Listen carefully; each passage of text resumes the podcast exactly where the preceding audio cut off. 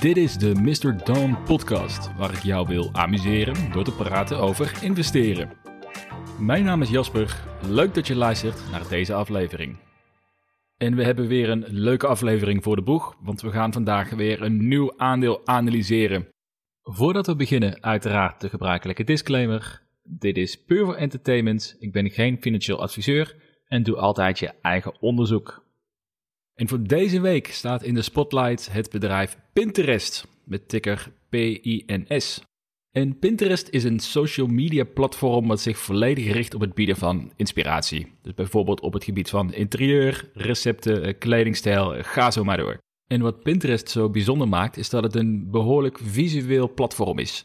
Het is vooral gericht op dat je je eigen moodboards samen kunt stellen, zodat je content van anderen kunt opslaan, kunt opbergen in bijvoorbeeld eh, interieurtips of recepten, zodat je altijd later, als je inspiratie nodig hebt, dat je dat heel makkelijk kan terugvinden. Maar het is ook daardoor een social platform waar je nou, heel veel uren jezelf kunt verliezen. Eh, als je net bezig bent om je huis anders in te richten, dan moet je bijna wel even gaan kijken op Pinterest. Want er wordt zo ontzettend veel inspiratie aangeboden dat het absoluut de moeite waard is. En dat is ook wereldwijd opgevallen, want Pinterest heeft nu maandelijks meer dan 460 miljoen gebruikers, waardoor het een van de grootste social platformen is die er bestaat. En het mooie is dat daar de rek ook nog steeds niet uit lijkt te zijn, want het afgelopen jaar hebben ze een groei van 37% laten zien op het aantal gebruikers.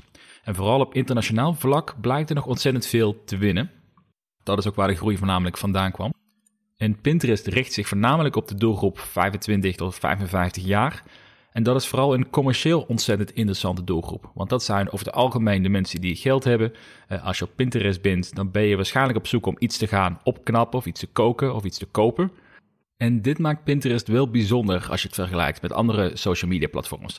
Want laten we even gaan kijken naar hetgene wat Pinterest zo speciaal maakt. Wat is hun moot? Dus eigenlijk wat is hetgene wat hen onderscheidt van andere uh, concurrenten eigenlijk? En dan zie je dat digital advertising wel echt hun voornaamste bron van inkomsten is. En op dit gebied gaat Pinterest de komende jaren echt enorm profiteren. Want er is namelijk een verandering op komst in het digitale landschap dat ervoor zorgt dat bedrijven minder specifiek online kunnen adverteren.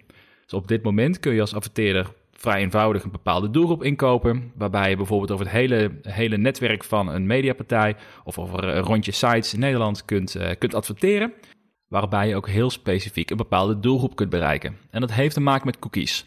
Dus door middel van cookies kun je met redelijke zekerheid aannemen wie degene is die je de advertentie laat zien.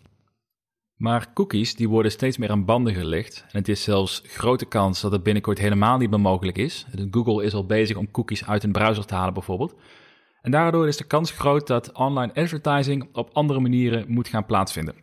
Want hierdoor heb je als adverteerder straks nog maar twee goede opties als je een bepaalde doelgroep wil bereiken. Dus enerzijds kun je ervoor kiezen om te adverteren in een bepaalde context waar de doelgroep oververtegenwoordigd is. Dus denk eraan, stel dat je een zakelijke dienst wil aanbieden, dan zit je dichter bij je doelgroep als je adverteert op een fd.nl dan dat je bijvoorbeeld op een nu.nl adverteert, wat veel breder is. Of als je jonge vrouw wil bereiken, dan zal je waarschijnlijk op titel zitten zoals een linda.nl. Maar specifiek adverteren is wel duur en je bereikt ook nog steeds een hoop mensen die niet in die doelgroep vallen. Dus dan kom je uit op het tweede alternatief wat we straks hebben. En dat is adverteren op basis van login data.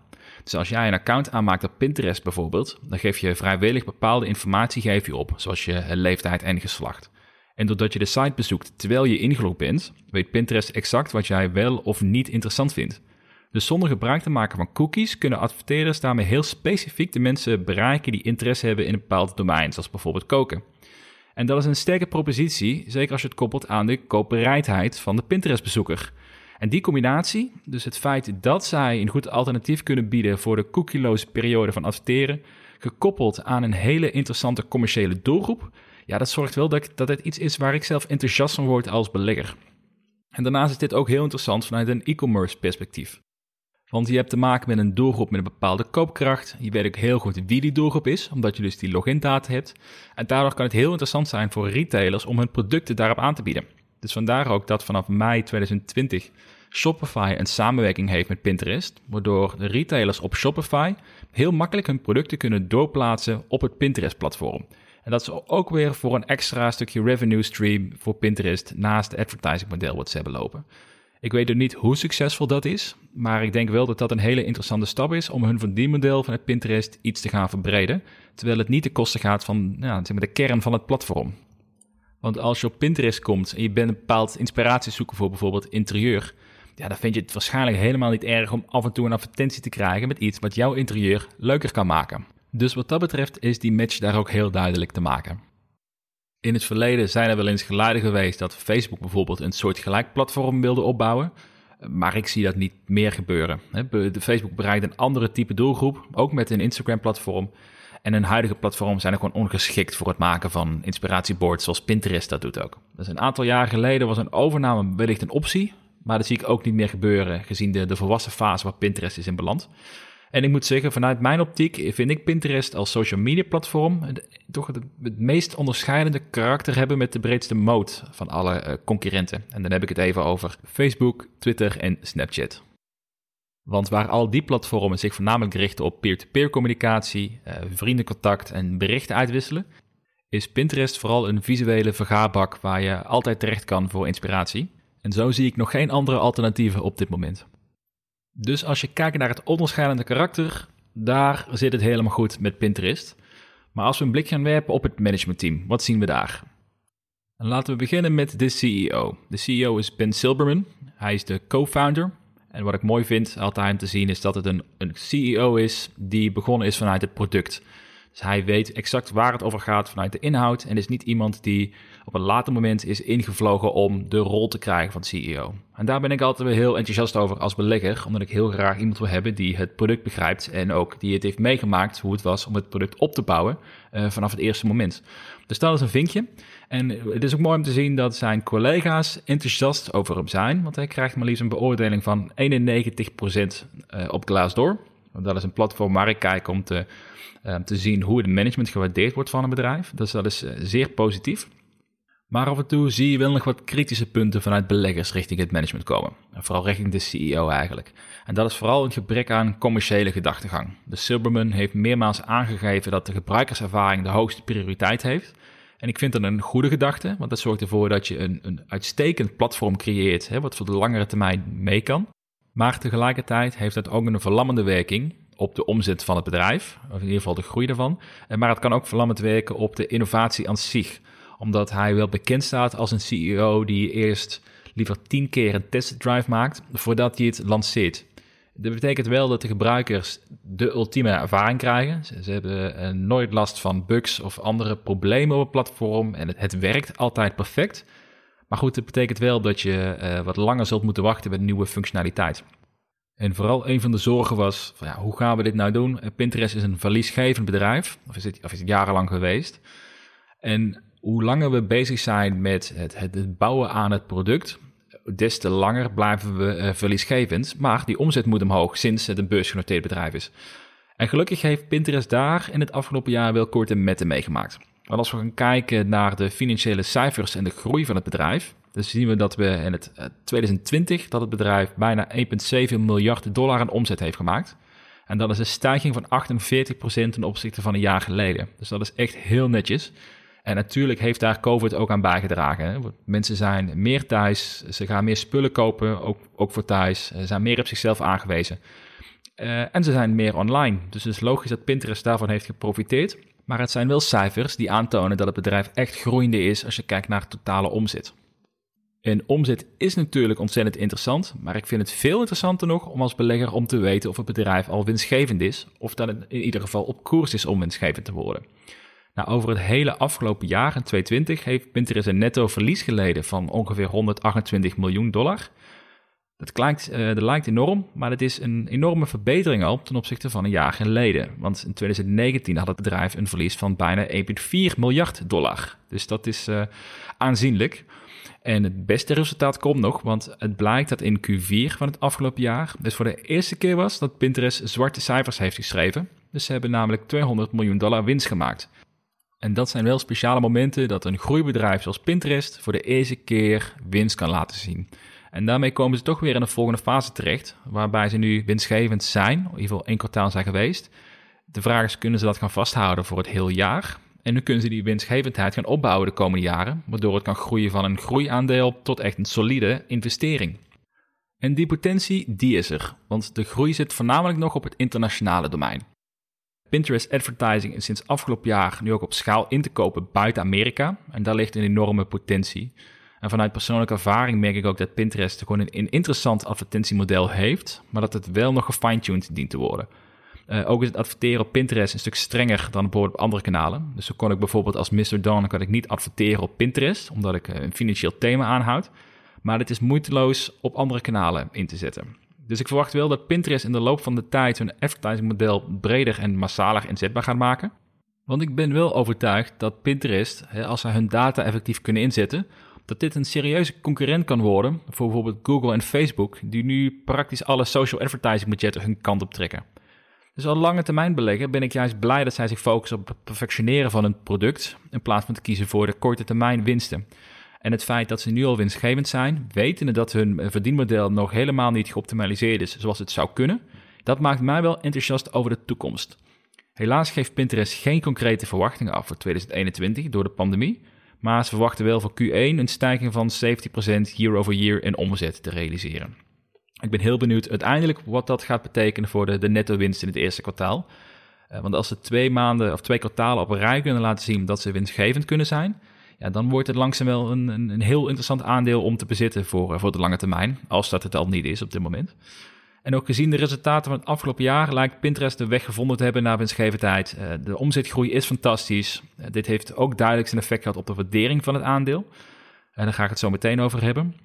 Maar het laatste wat ik nog wil meegeven als je kijkt naar de financiële cijfers, is dat het een prettig gegeven is dat de financiële situatie van Pinterest heel solide is. Ze hebben een bijzonder kleine schuld ten opzichte van hun vermogen, waardoor je als belegger ook geen zorgen hoeft te maken over een toekomst, mocht de financiële markt een keer een klap krijgen. Dus dat zorgt er wel voor dat als je besluit te investeren in Pinterest, dat het minder risicovol is dan een aantal andere groeibedrijven die misschien meer afhankelijk nog zijn van bijlenen en uh, misschien wat uitgeven nieuwe aandelen. Dus dat is een positief gegeven. Laten we kijken naar de huidige waardering. Want ik zei net al, van, nou, misschien is Pinterest dus al een interessante belegging op dit moment bij de huidige koers. Want op dit moment staat de koers op 68 dollar. En daarmee heeft Pinterest een waardering van zo'n 43 miljard dollar. En daarmee wordt het bedrijf lager gewaardeerd dan de concurrenten. Want Facebook is gewaardeerd op bijna 750 miljard dollar. En dat is trouwens ook inclusief Instagram, WhatsApp en al het andere wat ze aanbieden. Eh, Snapchat is twee keer de waarde met 85 miljard dollar. En ook Twitter ligt 10 miljard hoger dan Pinterest. Dus dit is in dat kader het goedkoopste als je het zo mag uitdrukken, uh, social media kanaal die op de beurs nu, nu beschikbaar is. En momenteel betaal je 25 keer de jaaromzet voor Pinterest. Dat is duurder dan Facebook en Twitter, maar goedkoper dan Snapchat. Maar tegelijkertijd laat Pinterest wel de grootste groei zien van alle vier de kanalen die ik net noem. Dus wat dat betreft is het ook niet onredelijk dat je daar nu iets meer premium voor betaalt ten opzichte van de andere uh, eventuele keuzes. Dus Pinterest is winstgevend sinds Q4, maar het is wel echt het beginpunt. En Facebook en Twitter zijn wel al een heel stuk verder op dit gebied. Uh, zijn al een langere tijd uh, winstgevend. Dus besef wel dat als je investeert in een bedrijf zoals Pinterest, dat je wel investeert in de groei die zij nog moeten gaan laten zien. En ik denk wel dat als Pinterest hun beloftes kan waarmaken. En dat zij, als ze over een jaar blijken dat ze nog steeds winstgevend zijn. en misschien hun winstgevendheid wel hebben kunnen uitbreiden dan denk ik wel dat de koers daarin dat ook zal reflecteren. Dus wat dat betreft, als je nu zou besluiten om te kopen, dan doe je dat vooral omdat je gelooft in de lange termijn traject waar het bedrijf in zit en dat uiteindelijk de koers dat dus ook gaat reflecteren. Ik durf niet te zeggen of de huidige koers of dat echt een, een, nou, een koopje is. Ik denk het niet eigenlijk. Um, maar voor de lange termijn belegger zou het misschien wel een interessant moment kunnen zijn om in ieder geval te beginnen met een kleine positie. Maar goed, daarover zometeen nog meer in de, de eindnotes. Want laten we gaan kijken naar de eventuele redenen waarom Pinterest niet succesvol gaan worden. Dus ik begin met altijd met een bear case. Een reden waarom zij niet succesvol zouden kunnen worden, is dat hun verdienmodel grotendeels is gebaseerd op digital advertising. Dat is een groeimarkt, maar het gevaar van een verdere regulering ligt wel op de loer. Vooral op het gebied van data en tracking.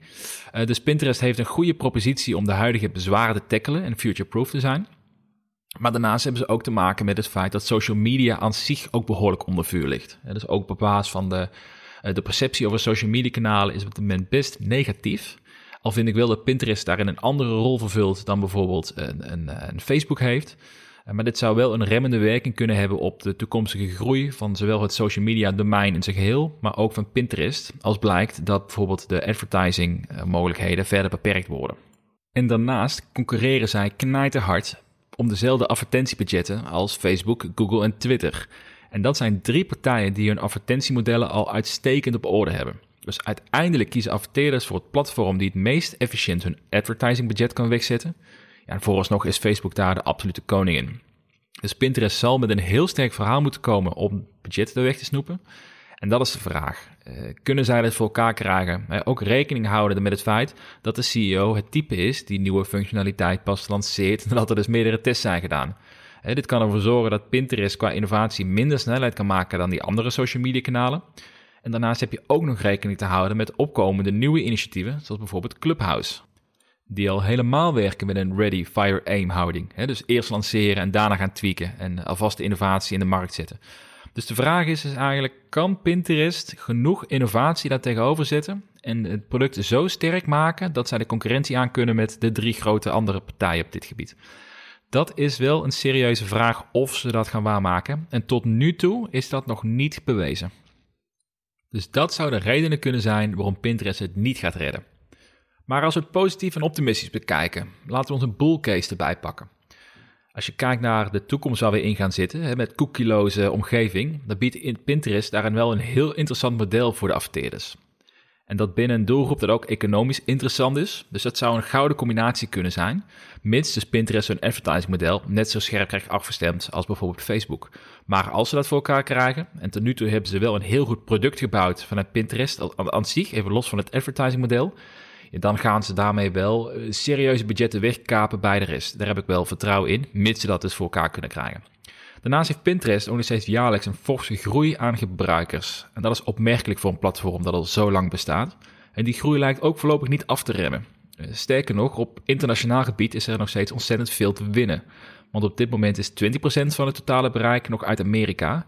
Terwijl uh, het internationale bereik vele, vele malen hoger zou kunnen. Zeker ook als je kijkt naar de type content wat erop staat. Dus daar liggen absoluut kansen nog in. En verder zit het product van Pinterest gewoon ontzettend goed in elkaar. Dus je weet als gebruiker van het platform dat je een compleet product hebt die echt voor de gebruiker is gebouwd. En hierdoor verwacht ik ook dat hun userbase veel langer zal blijven hangen dan op andere social kanalen. waar ik bijvoorbeeld bij Facebook wel verwacht dat het aantal gebruikers zal gaan afnemen in de komende jaren. En hierdoor is het voor de langere termijn vrij zeker van hun bestaansrecht. En ik vind het daarom een minder risicovolle investering dan bijvoorbeeld een Snapchat, wat zich nog moet bewijzen dat het product wat zij bieden ook over vijf jaar nog steeds relevant is. En daar, uh, daar heb ik persoonlijk wel mijn twijfels bij, maar bij Pinterest ja, heb ik er een goed gevoel over. Over hoe zij over vijf jaar, uh, dat ze over vijf jaar nog steeds relevant zijn. Dus concluderend, als je kijkt naar Pinterest als een beleggingsmogelijkheid, als je in Pinterest besluit te investeren, dan investeer je in een gigantisch groeiend social platform met bepaalde unieke eigenschappen en met een verdienmodel waar de komende jaren echt nog wel de nodige rek in zit. Het bedrijf is sinds afgelopen Q4 winstgevend. Het laat een sterke omzetgroei ook zien. En het managementteam mag op veel vertrouwen rekenen en zet de gebruiker op de eerste plek. Maar toch kan er ook toe leiden dat het platform in verloop van tijd ingehaald gaat worden door andere social kanalen. Dus ze moeten wel echt blijven innoveren. En dat is een vraagteken of ze dat voor elkaar kunnen krijgen in een wereld die zo snel verandert. Persoonlijk beschouw ik Pinterest als de beste lange termijn investering van alle social media kanalen, waarbij je ook Facebook wel mag zien als een solide investering, zeker op basis van de, de prijs waar die nu op staat. Ik vind wel de waardering van Pinterest op dit moment persoonlijk iets te hoog opgelopen, dus ik zal pas gaan instappen, eventueel als de koers wat lager staat. Maar ik denk wel dat dit een bedrijf is voor lange termijn investeerders om in de gaten te houden. En wat mijn, mijn idee is het een van de bedrijven die op lange termijn echt een, een winnaar kan zijn in dit domein. Tot dusver mijn analyse van Pinterest. Wil jij meer weten over investeren in aandelen, cryptocurrency of startups? Nou, iedere week plaats ik meerdere artikelen op de website www.mrdon.nl, dus neem gerust een kijkje. Op social media ben ik te vinden onder de naam Mr. Don. En uiteraard ben ik ook heel benieuwd wat jouw gevoel is bij Pinterest. Is het, een, is het een aandeel wat bij jou op de lijst staat, ja of nee? En wat zijn jouw overwegingen? Voor nu, dankjewel voor het luisteren en graag tot de volgende aflevering.